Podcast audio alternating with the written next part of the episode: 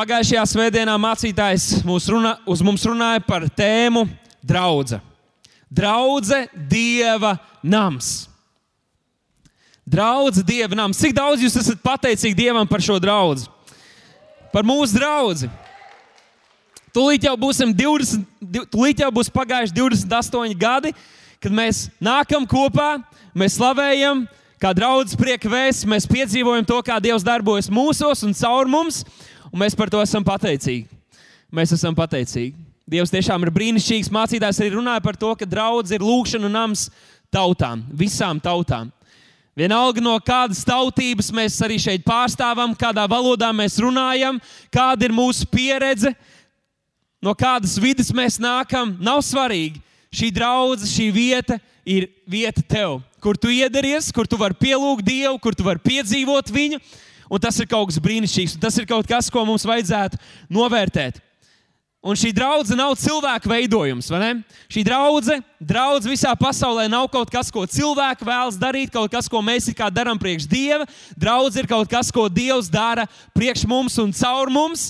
Draudz ir Dieva īpašums. Pasakādam, tas ir Dieva īpašums. Viņš to pats ceļ. Bībelē mums atklāja, ka viņš ir tas, kas dibināja draugu, kas to ceļ, kas to uztur, kas to aizvedīs līdz galam, tā ka draudzē nebūs ne krunkas, nekāda traipa. Viņš ir tas, kas dara mūs pilnīgus.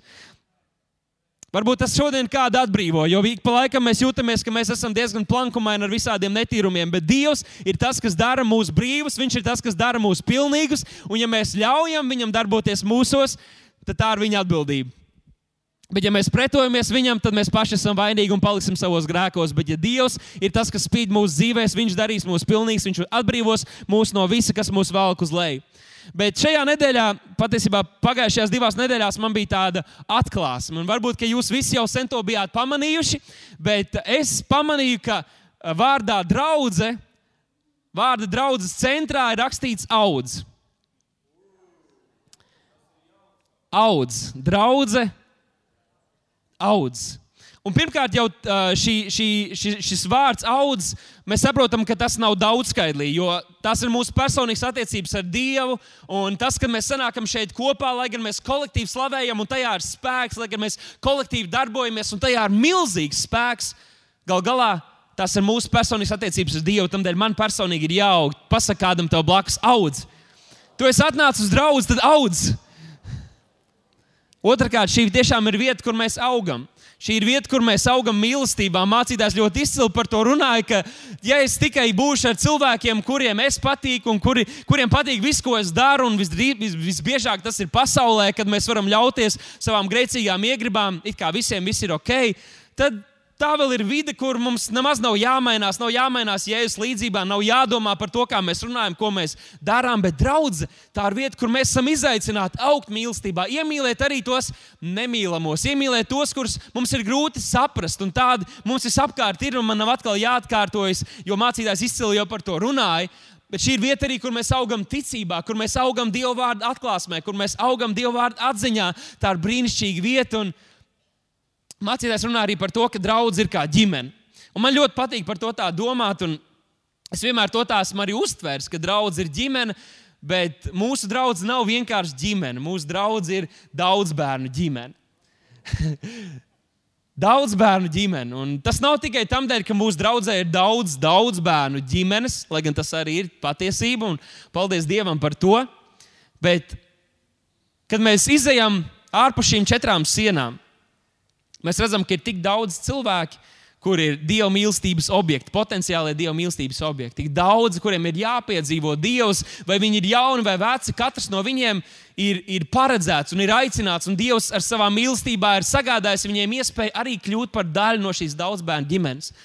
Un tādēļ man ļoti iedrošina, un, un, un man priecājos par katru no jums, kas jūs atsaucaties šim aicinājumam un redzējumam, kas mums ir priekš šī gada. Gada laikā katrs no mums pievestu Kristum vismaz vienu cilvēku. Vismaz vienu cilvēku mēs katrs pievest Kristum, un tad jau mūsu daudzbērnu ģimene jau kļūtu vēl daudzbērnīgāka. Bet pateicot, pateicamies Dievam arī, ka tie bērni pieaug. Bet, protams, ka katrā ģimenē ir savi arī principi. Savi principi, kaut kādas savas īpatnības, savi likumi, un katrai ģimenei diezgan atšķirīgi. Un runājot par daudzbērnu ģimenēm, uh, bieži arī izskan tāds jautājums, nu, kādēļ draudzes ir tik daudzas un dažādas. Un, protams, ka tur ir teoloģiski veidi, kā var atbildēt uz šiem jautājumiem. Protams, ka prot, ir kāda draudzene vai kāds draugs, kuras visu dara pilnīgi pareizi, un citas, kas vienkārši visu dara nepareizi. Bet man patīk par to domāt tā. Mēs, es arī uzaugu daudz bērnu ģimenē, cik jūs daudz zinat. Mēs uzaugām un bijām trīs bērni. Tas nav ļoti daudz, bet šķiet, ka tas ir kvalificējis daudz bērnu ģimenē vismaz tajā laikā. Uh, un kas notika? Mēs visi izaugām, un mēs katrs uzsākām arī savu ģimeni.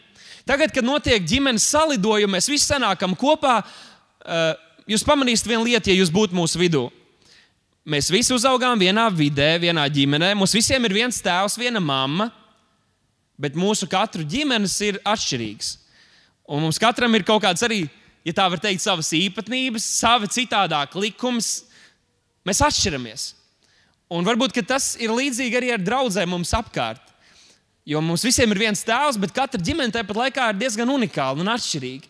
Un, nu, man patīk par to tā domāt. Bet, jā, padomāsim par, es gribētu prezentēt tādus trīs principus vai likumus, kas būtu raksturīgi mūsu ģimenei, garīgajai ģimenei, kas ir draugs. Un pirmais no tiem jūs varat arī pierakstīt, un lai jūs pēc tam zinat, arī pateikt kādam, kādiem citiem. Pirmais ir nāc kāds tu esi.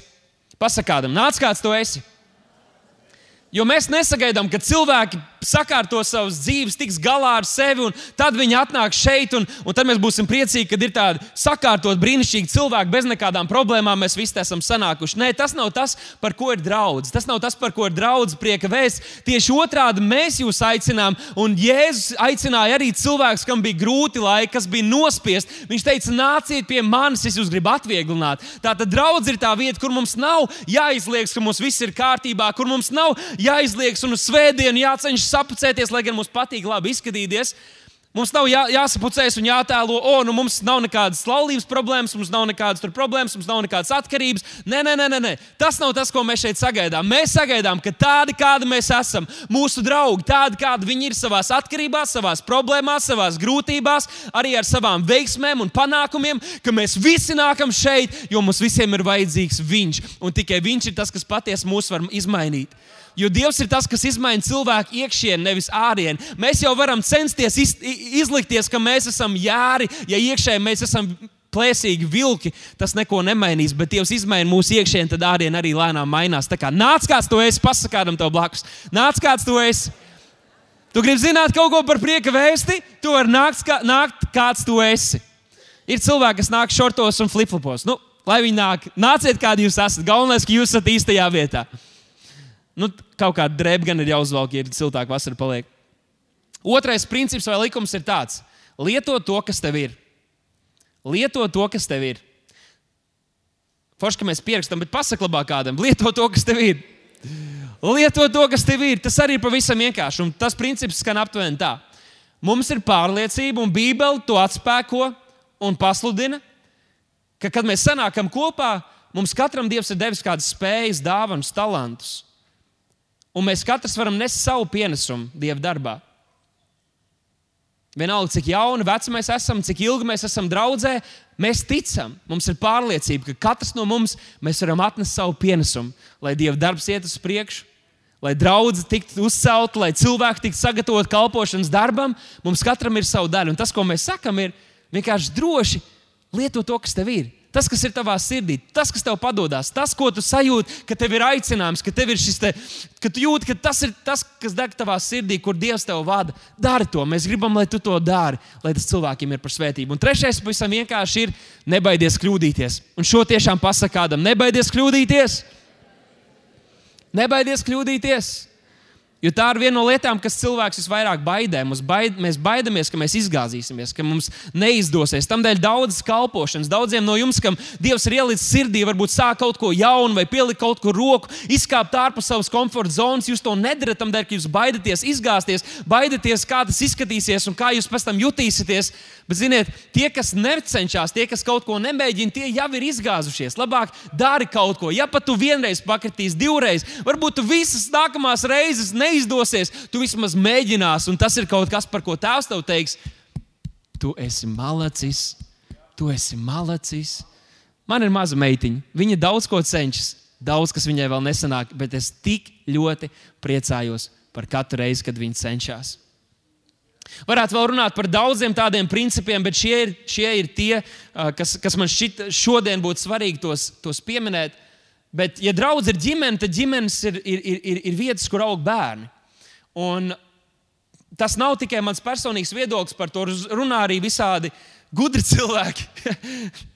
Un tas ir, tas ir tas, ka bērnam jau no mazām dienām mēs pamanām, ka viņam ir noteikts nepieciešamības, vajadzības, kuras ir jāapmierina lai viņš varētu efektīvi attīstīties, lai viņš varētu nu, piepildīt sevi, to savu potenciālu, ir nepieciešams parūpēties par noteiktām vajadzībām, kuras ir jāapmierina. Tādēļ jūs, kas esat vecāki, varbūt, ja neesat par tām dzirdējuši, varat pierakstīt. Pirmais ir tās ir fiziskās, ja fizioloģiskās vajadzības. Viņam ir jāpēd, viņam ir jā, jāpadzer, viņam ir jābūt pie labas veselības. Un, protams, ka, ja tu kaut ko apēdi, tad pēc kā laika ir nepieciešams no tā tikt vaļā un tam līdzīgi, un par to viss ir jāparūpējas. Otrā vajadzība ir arī pavisam vienkārša, un tā ir vajadzība pēc drošības. Mēs, bērnam uh, ir nepieciešams, lai viņš jūtas droši, ja tā ir māja, lai nav kāds visu laiku, kas tur kliedz un kas viņu bar un sit par, ja, par, par visu, ko viņš izdara nepareizi vai pareizi. Viņam ir jājūtas droši, jo tas palīdz viņam piepildīt to savu potenciālu. Bet trešais, trešais princips ir, uh, jeb, jeb šī vajadzība, uh, viņa kādreiz tiek dēvēta par uh, vienkārši ģimene vai attiecības, bet kādi to dēvē arī par piederību. Mums ir nepieciešamība, vajadzība izjust piederību kādai plašākai cilvēku grupai. Katram cilvēkam ir tāda nepieciešamība. Es atkārtošu, nav svarīgi, cik mēs esam jauni. Jā, tas jau parādās pie vis, pavisam maziem bērniem, bet arī mums augot lielākiem, tā nepieciešamība saglabājas. Tieši šī vajadzība ir tā, kas uh, bērniem, īpaši pusaudžiem, liek darīt ļoti daudz muļķīgas lietas, jo tas ir brīdis, kad tu jūties nepiederīgs. Ir lielie un varbūt kas nav spējīgi varbūt, izveidot tādu saikni ar tevi, vai tu pats īpaši nesaproti, ka tu esi daļa no tā, ko visi citi lielie dara, un, un, un tad tu īsti nejūties iederīgs. Tad lai tu justos iedrīkst, tu esi gatavs darīt kādas muļķīgas lietas, lai citi tevi pieņemtu, lai pasmietos par to, ko tu dari, vai lai citi atzītu, ka tu esi foršs. Es zinu, ka jūs tagad skatāties, kā es runāju ķīniešu valodā, bet, kad jūs bijāt jaunāki, lielākā daļa jūs taču atcerāties, ka tā bija. Jūs arī daudz ko darījāt, ko jūs pat nebūtu vēlējušies darīt. Jūs pēc tam jutāties slikti tam dēļ, ka bijāt kādu sāpinājuši, kādam nodarījuši pāri, bet tajā brīdī jūs to darījāt, jo jums tik ļoti vajadzēja, lai kāds jūs pieņem, kāds, kāda grupa, kas jums šķita, ka tā ir tā, kurā jūs gribat iederēties. Jā, bērni, jaunieši, tajā vecumā mēs to saprotam, bet, kad mēs kļūstam vecāki, tas nemainās. Vienalga šī nepieciešamība mūsu sirdīs paliek. Un tamdēļ arī bērni, jaunieši, kuri varbūt no ģimenes vai, vai, vai, vai, vai no, no, no radu puses tiek pamesti novārtā, vai kaut kā viņi netiek ietverti šajā ģimenē, viņi bieži nonāk bandās vai kaut kādās nelabvēlīgās grupās, tādēļ, ka viņi meklē, kas būs tie, kas viņus pieņems, kas būs tie, kas, kas pateiks, jā, tu esi mūsējais kad es um, tagad, gatavojoties um, savu bērnu audzināšanai, lasīju kādas grāmatas, tad tur ļoti bija uzsvērts tas, ka arī pusauģis vecums varbūt vecākiem tas var būt noderīgi šodien. Nebija par to plānojis runāt, bet varbūt tas ir noderīgi. Uh, viņi uzsvēra to, ka pusauģa vecums ir tas vecums, kad it kā šķiet, ka tas bērns cenšas uzsākt patstāvīgi dzīvot, ka viņš negrib būt kopā ar jums. Un, un viņš teica, ka patiesībā tas bērns tajā brīdī zemapziņā prasa, vai tiešām es jums tik esmu svarīgs, tik nozīmīgs. Jo tas nav brīdis, kad vecākiem kā dabīgi liekas, vajadzētu attālināties un ļaut viņam dzīvot pa savam, bet tieši otrādi censties meklēt iespējas nodibināt saikni un būt kopā ar viņu un parādīt, ka tu man esi svarīgs un tu iedaries ģimenē, tu esi mūsējais. Tas ir ļoti, ļoti svarīgi. Šī nepieciešamība ir katrā no mums mums, jo mums patīk filmas par citplanētiešiem, bet mēs paši negribam tādi būt. Mēs gribam iederēties. Mēs gribam iederēties. Un Bībele arī runā par šādām cilvēku grupām, kas neiederējās šajā pasaulē. Ebreju vēstulē 11. nodaļā tā tiek uzskatīta par šo ticības nodaļu, un tad vēlāk tiek runāts par ticības varoņiem. Tad tiek aprakstīts, kā izskatījās viņu dzīve. Jūs varat palasīt pirms šīs 38. Pirms 38. panta, kā tas tika attēlots un, un ar ko saskārās šie cilvēki. Bet šī raksturvieta man šķiet, ka ļoti labi ilustrē, kādā situācijā viņi bija. Rakstīts, pasaule nebija viņu cienīga. Bet viņiem bija jāmaldās pa tūkstošiem, pa kalniem, jāmīt alās un aizās.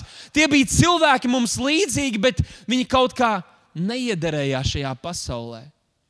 Viņi varbūt centās, viņi būtu gribējuši bū, eh, dzīvot tā, kā visi dzīvoja, mierīgi, tā ka visi viņus uzslavē un pasīt pa plecu un saka, jūs esat tik labi, bet tam dēļ, ka viņos kaut kas bija mainījies, un Bībele saka, mēs esam jauns radījums, kaut kas mūsos izmainās, mēs esam šajā pasaulē, mēs neesam no šīs pasaules. Tam dēļ var būt, ka arī tu šodien sēdi un klausoties šos vārdus, saproti, jā, es arī īsti brīžiem neiedaros. Man kolēģi varbūt iet uz bāru, kaut kur runā par kaut kādām lietām, un es tur esmu, es tur neiedaros. Es tur gribu būt draudzīgs ar viņiem, bet es nesaprotu viņu joks. Man liekas, muļķīgi tas, ko viņi dara. Es esmu viens no viņiem, bet es neiedaros. Un tas bija tas, kā jutās arī šie Bībeles varoņi. Viņi neiedarījās šajā pasaulē. Vai tu esi tā jūties? Ļoti bieži mēs dzirdam arī no jauniem kristiešiem, kas ir nesen pieņēmuši jēzu par savu kungu. Un kādreiz no malas tā skatoties, kādam var šis mērķis, un viņi izgāja priekšā un teica, lūkšana, bet te notiek radikāls pārmaiņas. Radikāls pārmaiņas notiek. Kad cilvēks iznāk, pasakā, lūkšana, pat nenorit neviena asara, bet viņš aiziet atpakaļ uh, savā ierastajā vidē, un cilvēki viņam prasa, kaut kas ir mainījies. Kaut kas ir mainījies. Kaut kas ir mainījies tevī, kas ar tevi noticis, kur tu pabiji? Tu spīdi. Un arī šie ticības varoņi bija tādi. Šie ticības varoņi, kuriem, kurus vārdus mēs nezinām, viņi tiek aprakstīti ar vārdiem tie. Viņi neiedarījās šajā pasaulē, bet bija viena vieta, kur viņi iedarījās. Es ceru, ka jūs man varat palīdzēt saprast, kur tas bija. Viena vieta, kur viņi iedarījās. Tā bija draudzene. Draudzene. Draudz bija tā vieta, kur šī viņa nepieciešamība, vajadzība iederēties tika apmierināta. Viņa bija draudzē. Jaunajā darbā ir daudz runāts par to, kas ir draudz, draudze, kas ir Kristus miesa. Bet šī raksturvieta man šķiet, ka ļoti izcili to parāda. Tur rakstīts, var tilstīt kopā ar mani galotiešiem 3,28. Pāvils raksta, draudzē, Kristus miesā, Kristu. Tur nav ne jūda, ne grieķa, nav ne kalpa, ne svabadā, tur nav ne vīra, ne sievas, jo jūs visi esat viens Kristu. Pēc kādām īpašībām vai kaut kādiem faktoriem sabiedrībā mūs šķeļ? Vai mēs jūtamies neiederīgi kādās grupās? Nu, viens, protams, ir ļoti izplatīts Latvijā. Valodas, tautiskā piedarība, ļoti tas tiek kultivēts. Jā, Mēs nevaram sadarīt tam dēļ, ka viena ir jūda, otra grieķi. Kas vēl? Jā, viena ir turīgāka, otra varbūt nav tik turīga. Ir valstis, kurās uh, cilvēki var sakauties viens otru, pat nogalināt tam dēļ, ka viņi atbalsta pretējas futbola komandas. Daudz kas mūs šķēl, bet šeit Pāvils mums atklāja, ka Kristus ir izlīdzinājis visus šos grāvjus. Nav vairs pilnīgi it nekas, kas mūs varētu šķirt, kas varētu mums likt justies neiederīgiem, nepiederīgiem pie šīs grupas, kā vienīgi tas, ka mēs ticam Jēzum Kristum, ka mēs ticam, ka Viņš ir Dievs, kas ir augšām cēlies, nomiris par mūsu grēkiem un mēs to apliecinām ar savu dzīvi.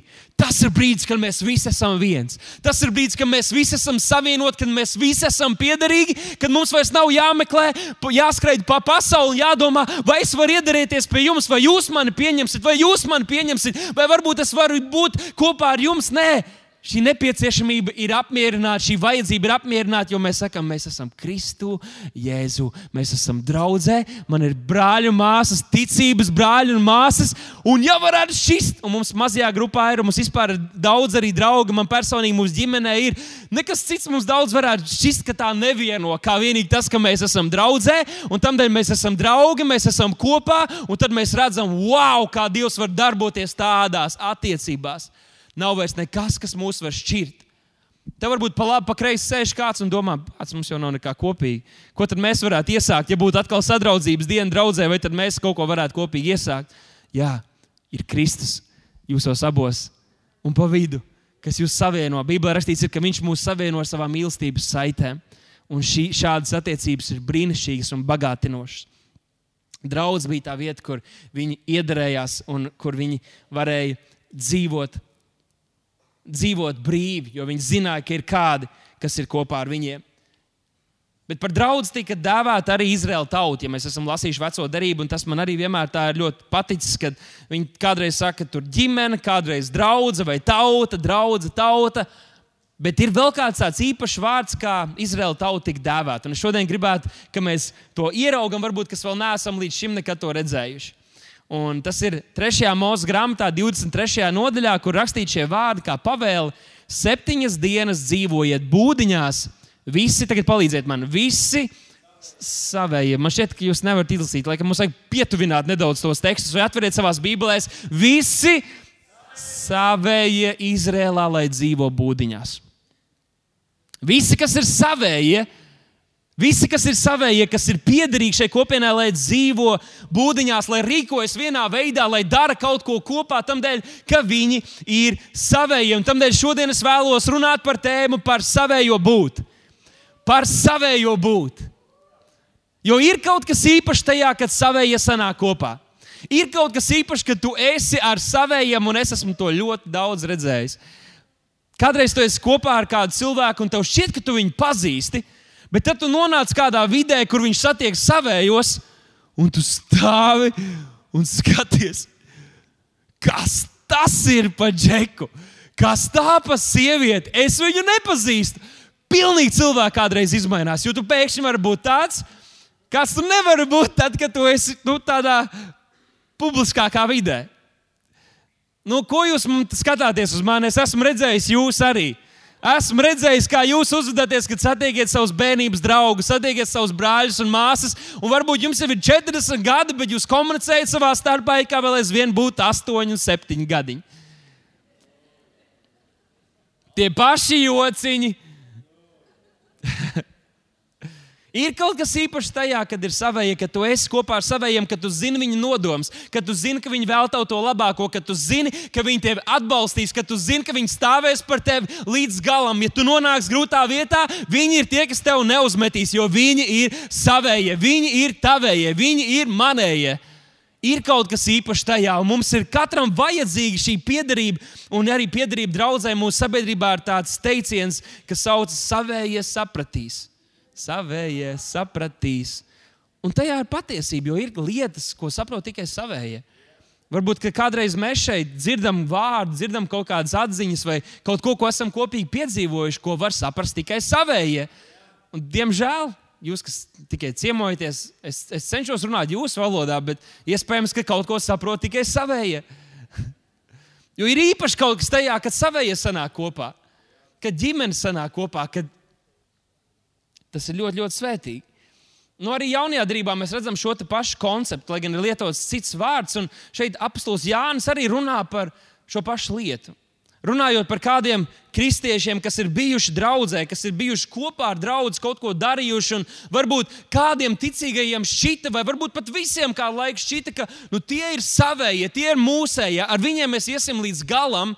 Un arī mēs, draugi, esam saskārušies ar šādiem cilvēkiem, to piedzīvojuši, kur šeit Jānis saka, ka, ka, ka viņi ir aizgājuši. Tad viņš paskaidro, ja tie būtu bijuši mūsējie, tie pie mums būtu palikuši, bet viņi ir izgājuši, lai atklātos, ka tie visi nav savējie, ka tie visi nav mūsējie. Viņi ir aizgājuši, lai mēs saprastu, ka, ka tie nav mūsēji, jo savēji ir tie, kas paliek līdz galam, kas turās kopā, kas viens otru atbalsta, kas ļauj vienam otram parādīt, ka mēs, kad mēs esam uz nepareizā ceļa, ka mēs neaizveram durvis. Savēji ir tie, kas ir gatavi ieguldīties attiecībās un nevis uzskatīt citus par draudu saviem panākumiem un savai laimēji. Savējie. Arī Jānis runā par šiem savējiem. Un es šodien gribu runāt īsi, pieskarties, kā mēs varam būt par savējiem, kā par savējo būt. Un, protams, ka mēs varētu runāt daudz plašāk, runāt par universālo vispasaules draugu, bet es šodien gribētu pieskarties šai mazajai ļaužu grupai, kas saucas Prieka vēsts. Šī draudzene. Prieka vēsts. Nu, tā uz globāla fona mēs jau esam tāda Draudz. Daudz bērnu, bet ģimene. Nu, varbūt, kad jūs skatāties uz mani, un kas jūs zinat arī manu dzīves stāstu, jūs varētu teikt, Dāvid, ko tu mums te iemācīsi? Ko tu mums te paskaidros? Tu taču uzaugi šajā draudzē. Vai tu kaut ko zini par to, kā ir iederēties kādā jaunā cilvēka grupā, kurā tu neesi uzaudzis? Nu, es jums nepiekrītu, jo bija laiks arī, kad es pats nācu šeit, biju kopā ar jums, bet neiederējos, nejūtos kā viens no jums. Šķiet, ka esmu spēris pareizus soļus tajā virzienā, jo tagad varu šo draugu saukt par savējo. Bet uh, man arī pavisam nesen, ja gan izvēle pirms diviem gadiem, bija tāds īpašs notikums manā dzīvē, kad es piedzīvoju to, ko nozīmē kļūt par savēju. Jo es iemīlēju šajā meitenē, un re, viņa sēž, man brīnišķīgā sieva, Estere. Aplausi, aplausi. Šajā bija, bija pierakstos, bija rakstīts aplausi. Aplausi, paldies. Jūs laikam neesat lasījuši pierakstu, kurā brīdī, kas uh, sieva. Uh, es iemīlējos viņā, un es gribēju viņu apprecēt. Un tas, par ko es varbūt nebiju uzreiz iedomājies, bija, ka tajā brīdī manā dzīvē ienāks ne tikai šī brīnišķīgā meitene, bet vēl jūs redzat to bildi. Tur ir uh, viens, divi, trīs, četri, pieci. Viņi ir uh, vairāk nekā mana ģimene.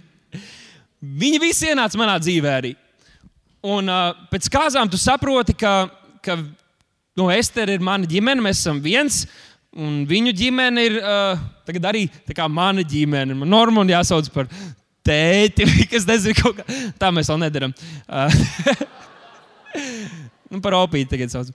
Uh, bet tu saproti, jā, es kā saprotu, ka uh, tā ir arī mana ģimene, bet es jau tur neesmu uzaugusi, neesmu bijis. Viņi nav manas pampers mainījuši. Ja?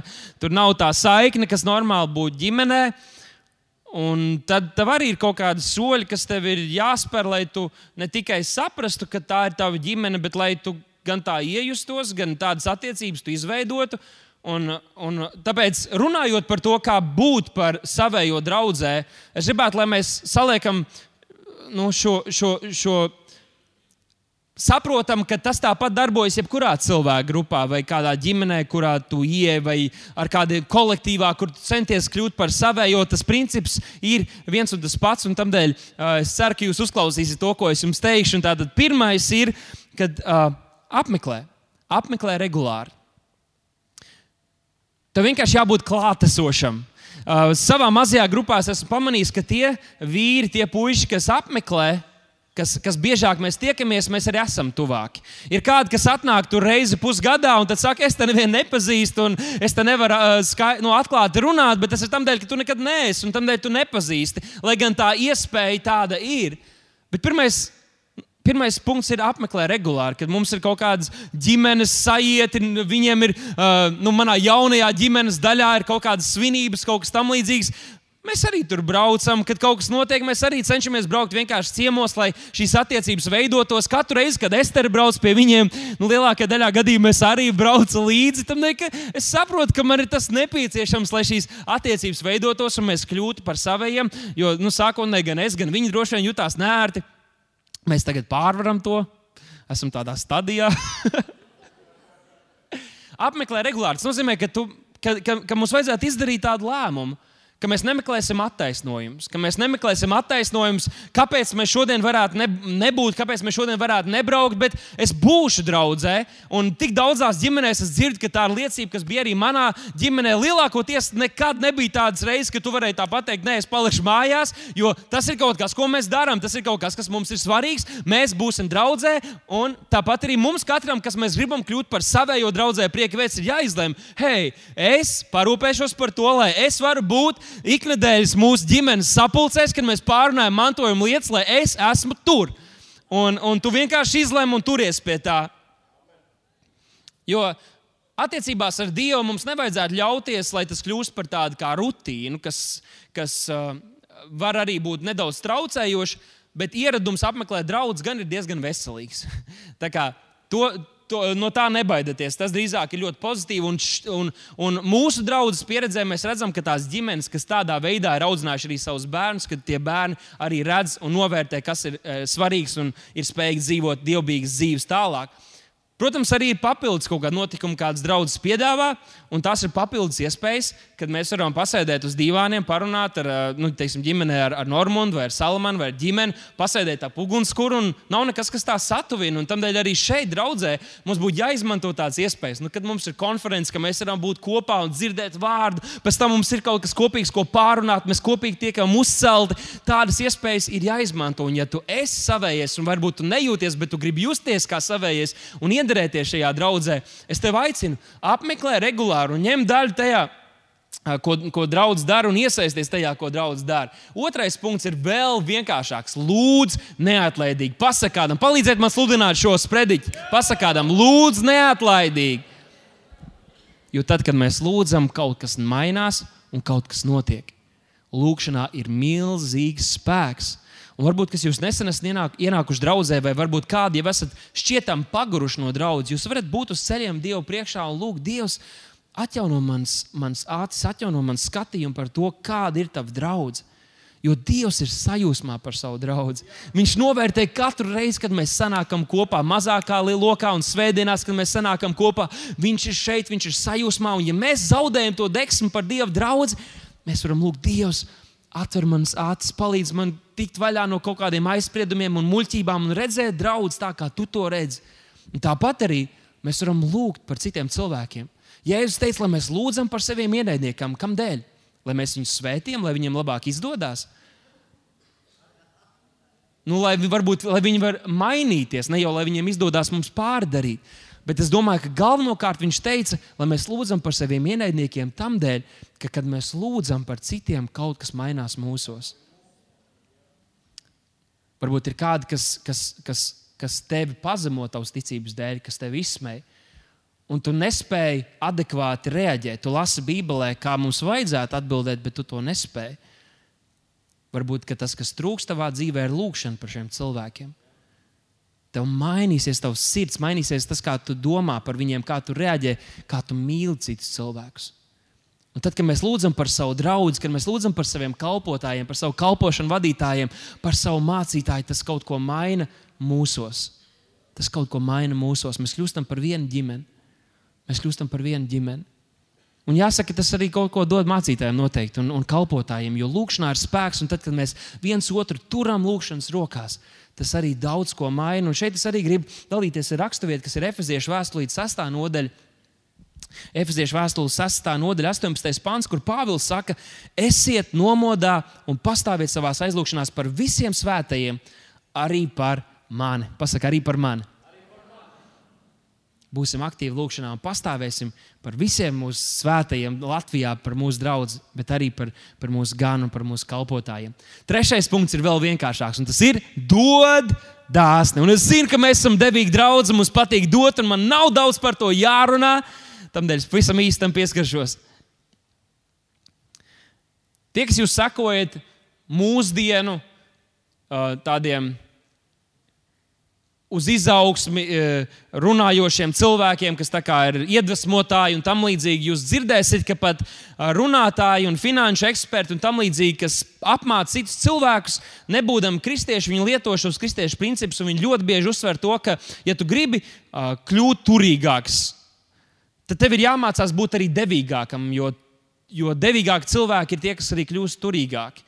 Tas ir princips, kas, kas ir Bībelē jau no paša sākuma. Ja sejas un pļaujas likums, tad Jēzus atnāk un arī pastiprina to. Tad jaunā derība atkal to saka, ka priecīgi devēja Dievs mīl, un, un tiem, kas ir devīgi, vai ne, tad Dievs tāpat atmaksā, saspaidīt, sakatīt pār, pāri ejošu mēru.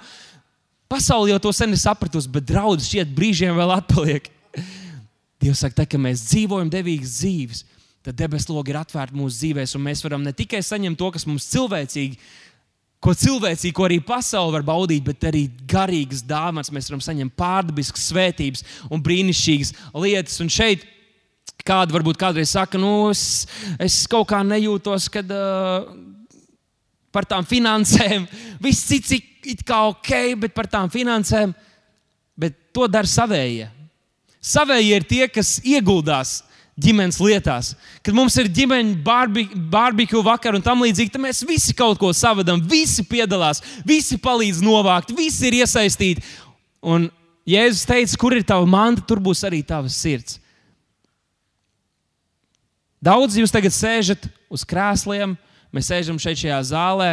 Un daudz mēs to nenovērtējam, tādēļ, kāda arī izturās ne, nevērīgi pret visām šīm lietām. Bet kādi no mums nākam šeit kā uz savām mājām, jo šeit ir mūsu finanses. Šeit ir daļa mūsu dzīves, un mūsu laiks jau ir tas, ir tas kas ir mūsu dzīves vērtība, un laiks tiek pārstrādāts naudā. Šeit ir mūsu finanses. Mēs ceļam to namu mums blakus. Mēs gribam atjaunināt šo visu procesu. Mēs gribam, lai tur Dieva svētība turpinās, un lai tur ir bērniem, jauniešiem darbs un daudz cits kalpošanas var sākties. Tur mūsu finanses darbojās. Mēs tur pieliekam savu sirdi, un tādēļ, ka mēs pieliekam savus finanses, arī mūsu sirds ir šajā vietā.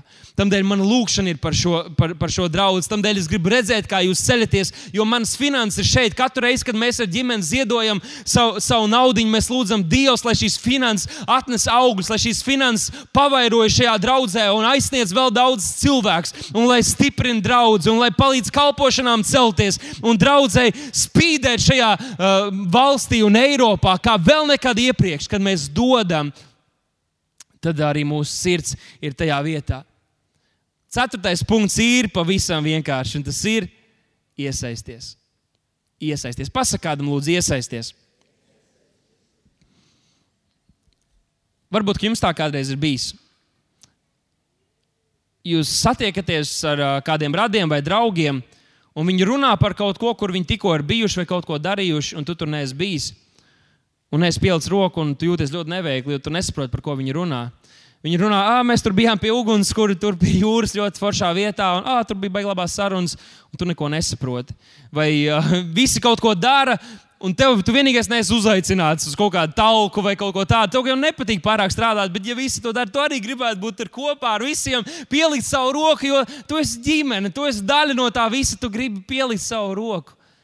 Es zinu, ka jūs tā esat jutušies.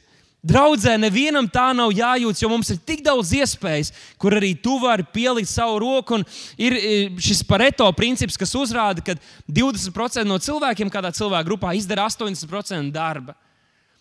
Ir daudz statistikas, kas uzrāda, ka draudzēs aptuveni 10% no cilvēkiem tikai ir aktīvi iesaistīti. Es zinu, un mēs redzam to, ka mūsu draudzē tā tas nav, ka mums ir daudz labāka statistika.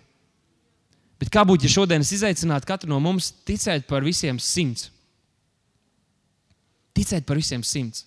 Kā būtu, ja simtprocentīgi Katrs no mums, kas mēs esam draugi, mēs būtu kaut kā iesaistīti, mums būtu kaut kāds vēl palīgs saites. Mēs ne tikai atnāktu un būtu skatītāji vai novērotāji. Un ir kārdinājums kādreiz būt tā, atnākt nedaudz vēlāk, pasēdēt malā, paskatīties, ātrāk aiziet prom, ar nevienu neparunāties. Es kā esmu draudzē, vai ne? Ja tu esi garāžā, tad droši vien esi mašīna, tu atnāc, jau pasēdi, viss vis kārtībā ir tāds kārdinājums, bet kā būtu, ja mēs visi gribētu iesaistīties, ja mēs visi saprastu, pats tā jau nav tikai kaut kāda vieta, ko es apmeklēju, tā ir mana ģimene, tā ir mana draudzene. Es personīgi gribu būt kaut kā iesaistīts šī, šīs draudzes darbā. Paldies! Tev. Kaut nu mēs visi būtu kā mamīte. Kā mamīte. Bērni, mums vēl daudz jāmācās. Tad es gribu pieskarties diviem vienkāršiem veidiem, kā mēs varam kļūt par daļu no draudzes, iedarēties draudzē, praktiski iesaistoties.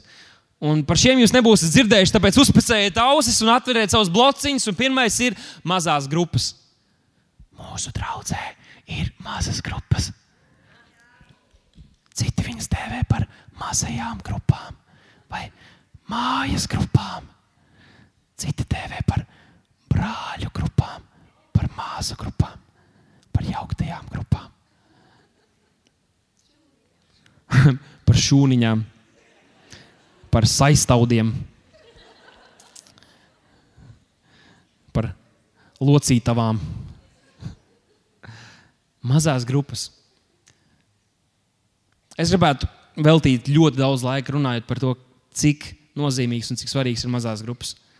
Bet mazā grupa ir vieta, kur šī lielā draudzene, lielā ģimene, kas mums ir, mēs, mēs kļūstam daudz personīgāk. Tā ir vieta, kur mēs sanākam kopā, kur mēs, kur mēs paši varam būt atklāti. Šodien šajā dievkalpojumā nav tā, ka jums visiem ir iespēja padalīties ar to, kam jūs ejat cauri. Tādas iespējas mums ir, kad mēs varam saņemt aizlūgšanas, un tomēr tas ir kaut kas cits, kad mēs varam dzīvot kopā ar citiem cilvēkiem, kad mēs varam dalīties savā dzīvē, jo tad mēs, mums labāk iet uz priekšu, un mēs vairāk varam svinēt savus uzvaras, ja mēs svinam tās kopā ar citiem, kad, mēs, kad ir kādi, kas zina par mūsu cīņām un iestājas kopā ar mums. Mazās grupas ir tik brīnišķīgas. Un es jums varu padalīties par vienu nesenu reizi, kad mums mazajā grupā Es arī vadu mazo grupu, vīru mazo grupu, un mēs uh, sanācām kopā. Mēs bijām sarunājuši, ka mēs katrs padalīsimies par to, kā Dievs ienāca mūsu dzīvē, kā mēs ienācām draudzē, vai uh, par to mūsu stāstu. Atcerieties, mēs runājam par to, ka mums katram ir stāsts, un tas ir spēcīgs. Un, uh, tas bija tik spēcīgs laiks.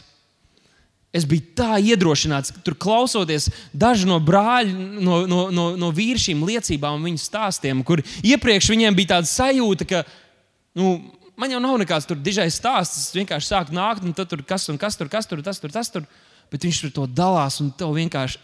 Ah, Dievs tik dažādos veidos pieskaras cilvēkiem, tik dažādos veidos lieto cilvēkus, un lietas, un jautājumus, un visu kaut ko. Un, un, un, un, un, kā Dievs maina cilvēku dzīves, un tu, es biju tik iedrošināts. Un katru reizi, kad mēs sanākam kopā, tas nav pārāk bieži. Mēs gribētu biežāk, bet ne visiem laiks to atļauj. Bet mēs kopīgi augam, mēs kopīgi apņemamies strādāt pie kaut ko.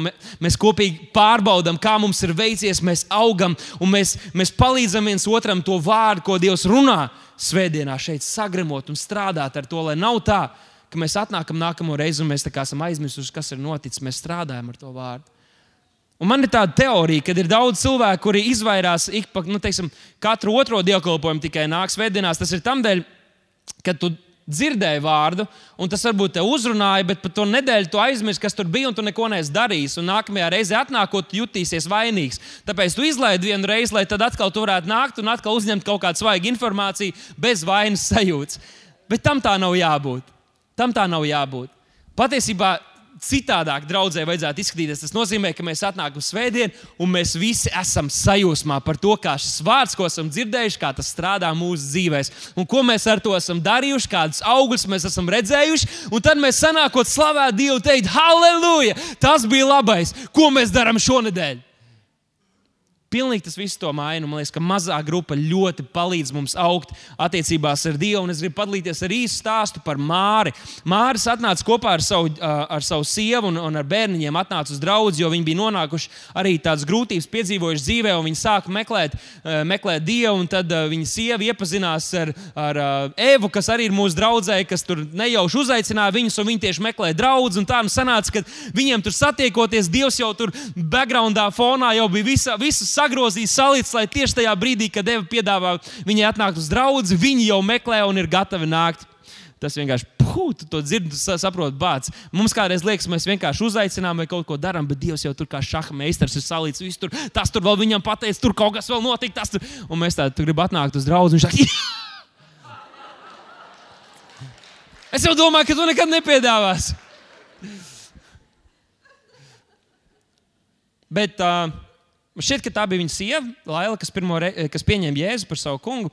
Un uh, Mārs arī bija ļoti noskaņots augt attiecībās ar Dievu, jo viņš redzēja, ka tas viņam nāk par svētību. Viņš kaut ko saņem arī esot draudzē. Viņš ļoti ātri iesaistījās mazajā grupā, kad, kad viņu uzaicināja. Mums bija tāda brāļa grupa, ka mēs vienkārši futbolu spēlējām, volejbolu, un tur bijām sasvīduši. Es gribēju parādīt to bildi no pirmās tikšanās, bet oficiālā apjautājoties, secinājām, ka nebūtu labi visus tādus pelšķortos džekus rādīt eh, draudzē. Tas varētu būt par apgrēcību kādām dāmām. Bet viņš nāca, viņš nāca, un tu vienkārši redzi, kā, kā viņš pieaug Dieva vārdā, kā viņš aug attiecībās ar Dievu, kad viņš dalās, kad viņš dalās ar savām pārdomām. Arī mēs lasījām šo grāmatu kopīgi, visu grupu kājām cauri, un tur redzi, kā, kā tas cilvēks aug attiecībās ar Dievu. Līdz kādu dienu, tas bija pagājušajā reizē, kad tas sludinājums man bija iespēja viņu, viņu, viņu vadīt lūkšanā. Viņš pieņem jēzu par savu kungu, un viņš tagad turpina arī nākt uz mazo grupu. Pagājušajā reizē viņš jau dalījās reāli, kad, kad, kad, kad viņš redz, ka, ka, ka, viņam, ka Dievs viņam ir svarīgs. Viņš grib, lai viņa namam, lai viņa ģimenē, lai viņa bērniem arī Dievs būtu pirmajā vietā. Slavu Dievam! Slavu Dievam! Mums ir daudz tādu stāstu, bet vienkārši kā mazā grupa var strādāt par svētību. Tev tavam namam, tavām attiecībām ar Dievu. Es gribētu, lai mēs to novērtējam. Un otrs veids ir sapņu komanda. sapņu komanda, kas jūs nezināt, domājat, oh, kā mēs varētu iekļūt sapņu komandā. Sapņu komanda principā ir kalpotāji. Bet izklausās labāk, ja sakām, sapņu komanda. Pasakādam, vai tu esi sapņu komandā? Un tie ir visi tie cilvēki, kas pieliek savu roku pie Dieva darba draudzē. Kādēļ mēs šeit draugi sanākam kopā? Pirmkārt, tas ir, lai mēs sagatavotu ticīgos kalpošanas darbam. Un tad, kad notiek svētdienas dievkalpojums, nav tā, ka mācītājiem vienīgi ir jāsagatavo sprediķis un vispārējais notiek tā, kā nekas nebūtu jānotiek. Te ir desmitiem cilvēku, kas visur rūpējas par to, lai mēs šodien varētu kvalitatīvi komunicēt, lai tu varētu koncentrēties, neuztraukties par saviem bērniem, par savu mašīnu, par citiem jautājumiem, par ēdienu. Ēdiens jau gatavojas tur lejā, lai tu varētu saņemt. Ir cilvēki, kas to dara, lai šeit tas varētu notikt. Un tāpat mēs nākam kopā, lai mēs kolektīvi varētu aizsniegt mūsu pilsētu, aizsniegt mūsu līdzcilvēkus ar evaņģēliju. Nu, tie no jums, kas esat dzirdējuši tikai par vienu kalpošanu, visbiežāk tie ir kārtībnieki vai svētdienas skola. Es, uh, un jūs domājat, uh, ka tur jau ir pietiekami, tur, protams, viņiem vajag palīgus. Bet Ir vēl daudz kalpošanas. Gribu nolasīt dažus piemērus, ja tev gadījumā patīk darbs ar cilvēkiem. Tad šeit ir kādas tev ir izvēles. Darbs ar bērniem, darbs ar pusauģiem, darbs ar jauniešiem, darbs ar vīriem, darbs ar sievietēm, darbs ar senioriem. Tad ir uh, kaut kādas cilvēku grupas, ar kādām varbūt tev patīk. Nu, ne tik specifiski ar jauniešiem, bet ar uh, kādu cilvēku grupas. Tā. Darbs ar laulātajiem, darbs ar vecākiem, darbs ar neprecētiem, darbs ar bāriņiem, darbs ar atkarīgiem, darbs ar cietumniekiem, darbs ar izsalkušiem, ar pēdušiem, ar pateicīgiem, ar neapmierinātiem, ar zinkārīgiem, ar vienaldzīgiem, ar sarežģītiem cilvēkiem, ar glābtiem, ar jaunas glābtiem, ar neglābtiem, ar brīvprātīgiem un svešvalodās runājošiem.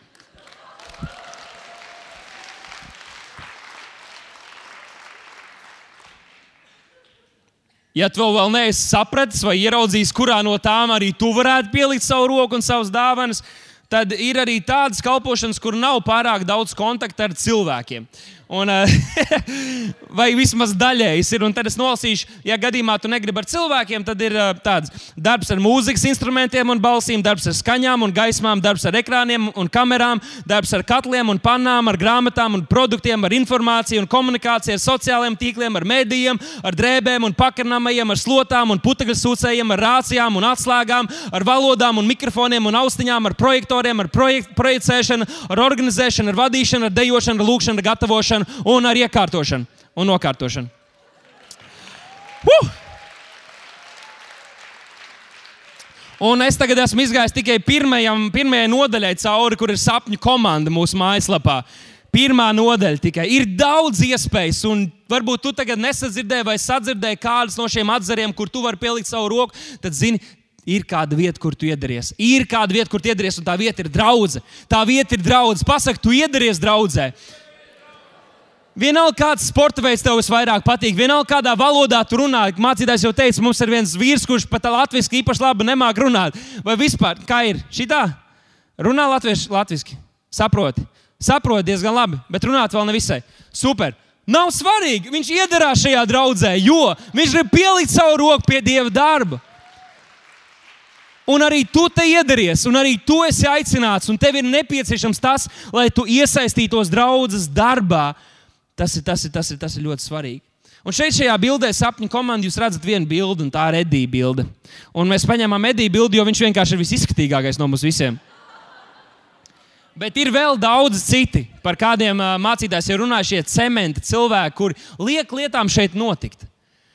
Kas, nu, arī tie, ko jūs redzat šeit uz platformas, viņi dara ļoti daudz arī lietas, ko jūs neredzat un par ko neviens neaplaudē. Un ir tik daudzās pozīcijās, kuras es jau minēju, kur visur ir cements cilvēki, kur ir tik ļoti svarīgi. Un tikai pateicoties šiem cilvēkiem, šī draudzene var būt tā, kas tā ir. Un mēs varam kopīgi izdarīt to, ko mēs varam izdarīt. Tādēļ, ka ir šie cilvēki, kas pašaizlīdzīgi nāk un kalpo. Un Edijs ir viens no viņiem. Un Edijs ir viens no viņiem. Un es uh, pagājušā nedēļā man sanāca parunāt ar Ediju, un es prasīju, nu, jo es zinu, ka viņš jau ir ļoti, ļoti sen ar mums.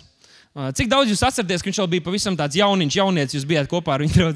Super forši, ka daudz rokas paceļās. Jā, jā, jā. jā. Un es paprasīju, lai viņš man pastāsta, kā, kā, kā, viņam, kā, kā viņam bija šis ceļš pie Dieva. Un tad viņš man pastāstīja, ka viņš patiesībā pieņēma Jēzus Ziemassvētku dievkalpojumā. Ziemassvētku dievkalpojumā. Un viņš atnāca tam dēļ, ka viņu uzaicināja kāds draugs atnāca tam dēļ, ka viņu uzaicināja, viņš pieņēma Jēzu un viņš uzsāka savu ceļu ar Dievu. Un diezgan ātri sanāca, ka viņš arī iesaistījās kalpošanās, jo viņš kopā ar draugiem gribēja kaut kur pielikt roku. Tajā laikā mūsu draudzene bija daudz, daudz mazāka, un visiem vajadzēja kaut ko darīt, lai kaut kas varētu notikt. Mēs īrējām dažādās vietās telpas, un, un uh, tur bija laicīgi, agri no rīta jābrauc, viss jāiekārto, jāsliek tumbas, skaidri un viss pārējais, lai viss varētu notikt. Pēc dievkalpojuma viss jānovāc, un tad jau jaunekļiem tur bija arī jāliek, jāpieliek savu roku. Tādēļ ir daudz vīri, kuri mazliet ir sabēdājušies, ka mums nav no rītiem tas jādara. Bet jūs varat nākt atmodas vakaros palīgā, mēs te visu pār, pārmainām, mums daudz palīgs vajag. Nu, jā, viņš teica, ka uh, viņš visu kaut kur sāk pielikt roku. Uh, viņš bija arī korī, uh, grāmatu veikalā, dejošanā. Es nezinu, Edijs saka, ka nebija dejošanā. Vismaz viņš negrib, lai jūs par to zinat. Kārtībniekos, visur, visur, kur. Tad vajadzēja tur sākt palīdzēt ar aparatūru vairāk. Un, uh, viņš teica, ka viņš tur neko daudz nesaprata no aparatūras un tehnikas un tam līdzīgi, bet viņš sāka kalpot. Viņš redzēja vajadzību, viņš gribēja tur pielikt savu roku. Un, un, uh, tā viņš ir uzaugusi arī viņa profesionālā šī, šī lieta, ko viņš dara ar, ar aparatūru, visām šīm tehnikām, draudzē un ārpus tās. Viņš ir uzaugusi draudzē un kļūst par vienu no top speciālistiem Latvijā šajā, šajā nozarē. Uh, Bet tas ir, tas ir noticis draudzē. Tas ir noticis draudzē, ka viņš ir pielicis savu, savu roku pie Dieva darbu, un viņš ir redzējis to, kā tas, ka viņš ir iesaistījies, kā tas ir bijis par svētību viņam, viņa attiecībām ar Dievu. Un patīk šī frāze, ko viņš teica, kas man ļoti, ļoti palika atmiņā. Viņš teica, ka viņa dzīvē ir bijušas reizes, kad tas, ka viņam ir jābūt draudzē, viņam palīdzēja noturēties vai palikt uz pareizā ceļa. Tas, ka viņam bija jābūt vai kalpošana, vai kaut kas, kas viņam bija jādara, tas viņam palīdzēja izdarīt pareizās izvēles dzīvē. Vai mums arī nav vajadzīga tāda palīdzība? Vai mums nav vajadzīga tāda, ka mums ir kaut kāda atbildība Dieva darbā? Mums mazajā grupā bija reize, kad es uh, palūdzu brāļiem padalīties ar, uh, kas viņus uzrunāja dievkalpojumā, bet arī personīgajā laikā ar Dievu, kad viņi lasīja Bībeli. Un mēs sanākam kopā, un, un, un tu pilnīgi redzi, ka viņi ir citādāk lasījuši Bībeli, ka viņi ir citādāk klausījušies dievkalpojumā, jo, ja tev ir kaut kāda atbildība, izmainās arī tev attieksme. Un tādēļ, ja mēs iesaistamies, ja mēs pieliekam savu roku pie dieva darba, tas ļoti, ļoti nopietnā veidā ietekmē mūsu, mūsu dzīvi. Bet ir arī citi veidi, kurus es, kurus es neusa, nes, nesaucu, kur varbūt nav pierakstījis sapņu komandā. Varbūt, ka tev padodas rakstīt, tu vari rakstīt blogus, kaut kādus rakstus, lai mēs varētu tos uh, būt kristiešiem par svētību un aizsniegt arī savus līdzcilvēkus. Varbūt, ka tu taisi superīgs video, visādas lietas, vienalga, kas ir tās dāvanas. Varbūt tu esi IT speciālists. Tu vari vismaz 10% no savu dāvanām un talantu ieguldīt draudzē, lai mūsu mājaslapa un, un, un tas lietas, ko mēs darām internetu vidē, lai tas būtu efektīvāks. Ar visām dāvanām, talantiem, kas mums ir, mēs varam vismaz daļu, vismaz 10% teikt, es to gribu ieguldīt draudzē, lai draudzē iet uz priekšu un lai Dieva darbs, lai Dieva darbs spīdētu šajā sabiedrībā, kur mēs esam. Un es tūlītās arī beidzu ar piekto punktu, un tas ir stāsti un aicini. Pastāst kādam par to, ko Jēzus izdarījis tavā dzīvē. Pastāst par savu draugu. Man šķiet, ka tas nav tikai ar jaunlaulātiem, lai gan jaunlaulātie to dara varbūt biežāk. Uh, kad tu apprecējies, tad tu visu laiku visur, visādās sarunās stāsti, o, mana sieva tur tik brīnišķīga. Un tad, kad piedzimst bērni, tad uh, visur, kur tu sarunājies ar cilvēkiem, visi tev, protams, prasa tikai par bērniem. Neinteresē, kā tev dzīvē klājas. Bet tu arī visu laiku stāsti, o, mēs tagad jau rāpojam, mēs tagad jau paši sēžam un tam līdzīgi. Un, un tu visu laiku stāsti tikai par to, kas notiek tavā ģimenē. Un, uh, man pat ir bijušas reizes, kad es varbūt mazliet arī pārcenšos, bet ir bijušas reizes, kad mēs sarunājamies vienkārši cilvēkiem, un es kaut kā komplimentēju savu sievu, kas varbūt citām sievietēm, un viņa pat nav uz vietas, un, un citām sievietēm liek justies nedaudz slikti. Tad es tā kā. Nu, es varbūt pārcenšos nedaudz, bet nu, tu kādreiz stāsti vienkārši. Jo tev patīk savu ģimeni, tev patīk uh, savu, mīl savu sievu, savus bērnus, tu gribi par to stāstīt citiem. Nu, tas ir tas, ko mēs varam darīt. Ja tu esi savējies, ja šī ir tava draudzene, mēs varam dalīties ar to. Tas ir gan internetu vidē, gan vienkārši acis pret acis ar cilvēkiem. Stāstīsim par to, ko Dievs dara draudzē, kas šeit notiek, kādas brīnums mēs redzam. Stāstīsim par to, ko Dievs runā uz mūsu sirdīm, kā tava dzīve ir mainījusies, un ka citiem cilvēkiem arī ir nepieciešama šī draudzene. Uzaicināsim cilvēku šeit, jo tas ir kaut kas viens, ka tu vienkārši dzirdi par misiju, kāda ir mūsu draudzē un tā mums ir skaidri definēta. Un mums var šķist, ka tā ir mācītāja atbildība un slavēšanas vadītāja atbildība, lai uzaicinātu cilvēku šeit, lai ir kāds, kas var dzirdēt evaņģēlīju un pieņemt jēzu par savu kungu, un viņa dzīves var tikt izmainīts. Bet, kad mēs šo misiju pieņemam personīgi un padarām to par savu, tad mēs esam savējie. Mācītāji šī gada sākumā teica, mēs šajā gadā gribam katrs vismaz vienu cilvēku pievest pie Kristus. Ja es paņemu vismaz pierakstu to vārdu, vismaz sāku lūgt, varbūt man vēl nav praktiski visādi soļi, kā to var izdarīt, bet es vismaz sāku lūgt un sāku domāt par to. Es esmu savējies. Es esmu savējies.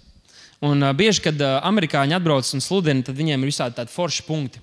Piemēram, kad ir tas viss punkts savēl kopā, tad tur izveidojas kaut kāds vārds draudzene vai saknes kaut kas tāds ļoti spēcīgs. Un es ilgi, es jums apsolu, ilgi centos, centos strādāt, domāju, kā varētu pārformulēt kaut ko, lai sanāktu kaut kas spēcīgs. Bet man sanāca kopvērtējumā vārds Aldis. Aldis. Vai ir kāds Aldis mūsu vidū? Ir! Aldis. Vēl ir Aldis. Super. Es atvainojos, bet tas ir brīnišķīgs vārds. Un es skatījos, ko nozīmē vārds Aldis. Tas ir sens vai vecais. Nozīmē. Un tas tā kā mēs paliekam pie saknēm. Mēs paliekam pie saknēm. Tātad katru reizi, kad tu dari kaut ko, lai iesakņotos draudzē, lai iederētos draudzē, tu esi Aldis. Tu, tas ir Aldis. Tas ir Aldis. Padarīsim šo par savu. Saka, ej, tu šodien esi rīt. Tas ir Aldis šodien. Tātad, pavisam vienkārši atcerieties, Aldis, kā par savējo būt. Pirmais ir apmeklē regulāri, lūdz neatlaidīgi, dod dāsni, iesaisties, stāst un aicina. Bet tad es gribu dot vēl pēdējo noslēgt ar apsolījumu. Un tas apsolījums rakstīts Iesaistas grāmatā. Iesaistas grāmata, 54. nodaļa, 17. pants. Tas daudziem ir zināms. Bet tas ir apsolījums tiem, kas ir kalpotāji, tiem, kas ir patiesi Dieva pielūdzēji. Un te ir rakstīts, nevienam ierocim Es teicu, nevienam ierocim. Nevienam ierocim, nevienam, nevienam ierocim, nekādiem spēkiem, nekādām, ne, nekādiem uzbrukumiem, kas vērsīsies pret tevi. Ja? Nevienam ierocim, kas vērs pret tevi, neizdosies tevi pieveikt. Vai tas nozīmē, ka nebūs grūti? Nē, pieveikt. Esmu redzējis, kad boxeri cīnās un viens pieveic otru. Tas, kurš pieveic, arī var nedaudz būt tāds savu, savu cīņas rudījumu ieguvis, bet neizdosies pieveikt. Ja tu iesakņosies Dievā, ja tu iesakņosies draudzē, ikvienu, ikvienu ieroci, kas vērsts pret tevi, tev, viņam neizdosies tevi pieveikt, ikvienu mēli, kas uzstāsies pret tevi tiesā, tu noraidīsi kā netiesu liecību, un tad viņš saka, tas ir tā kunga kalpu mantojums un man svētība, kas tos pavadīs. Es gribu, lai jūs pamanāt, tur nav vienkārši rakstīts, ka tas ir tā kunga pielūdzēji, kas arī būtu brīnišķīgi, ka mēs pielūdzam, mēs slavējam viņu, tas ir superīgi. Nav rakstīts vienkārši tas ir tā kunga tautas, tas ir tā kunga kristiešu mantojums. Tur ļoti specifiski teikts, tas ir tā kunga kalpu. Un kalpi ir tie, kas kalpo. Jēzus pat teica, vai kalps ir lielāks par savu kungu? Viņš atnāca, lai kalpotu mums un tāpat arī patiesa kristieša un savējā sirds ir gatava kalpot. Un nevar nepelīt savu roku pie tā, ko Dievs dara. Tā kā šodien mēs runājām par tēmu par savējo būt. Un es ticu, ka ir daudz mūsu vidū, kas varbūt šajā laikā tur ir sapratis, bācis. Ir varbūt arī kaut kāds veids, kā es varu iesaistīties. Varbūt tā ir mazā grupa, varbūt tā ir kalpošana, varbūt tev vajag sākt lūgt, Varbūt tev vajag sākt regulāri apmeklēt un iedrošināt savus draugus, lai viņi ir šeit, lai viņi ir šeit. Tad es gribētu, kad, kad, kad mēs šodien arī spēram praktisku soli un sakam, nē, es to sākšu darīt. Es esmu savējies, un es būšu savējies. Piecelsimies kājās, gribu noslēgt ar lūkšanu. Tēvs, pateicos Tev, ka Tu esi mūsu Dievs un ka mēs varam kalpot Tev. Ne tikai dziedāt, ne tikai slavēt, ne tikai priecāties par to, ka tu mūs mīli, bet praktiski kalpot. Mēs varam nodot savu miesu praktiskā veidā par dievkalpošanu tev. Mēs pateicamies Tēvs, ka šodien, arī šajā rītā, Tēvs, daudz mūsu vidū, kas vēl nav iesakņojušies, kas vēl nav kļuvuši par vai nav sajutušies kā savējie Tēvs, ka šodien viņi var, var spērt šo soli, izdarīt izvēli Tēvs un būt savējie šodien. Jēzus vārdā mēs pateicamies, ka mēs varam pielikt savu roku pie Tava darba, Tēvs. Mēs varam redzēt, ka, kad mēs zināmies pēc Tavas valstības, Tēvs, tad visas pārējās lietas tiek piemestas un rūpējies par mums kā saviem bērniem. Lūdzam, Jēzus vārdā.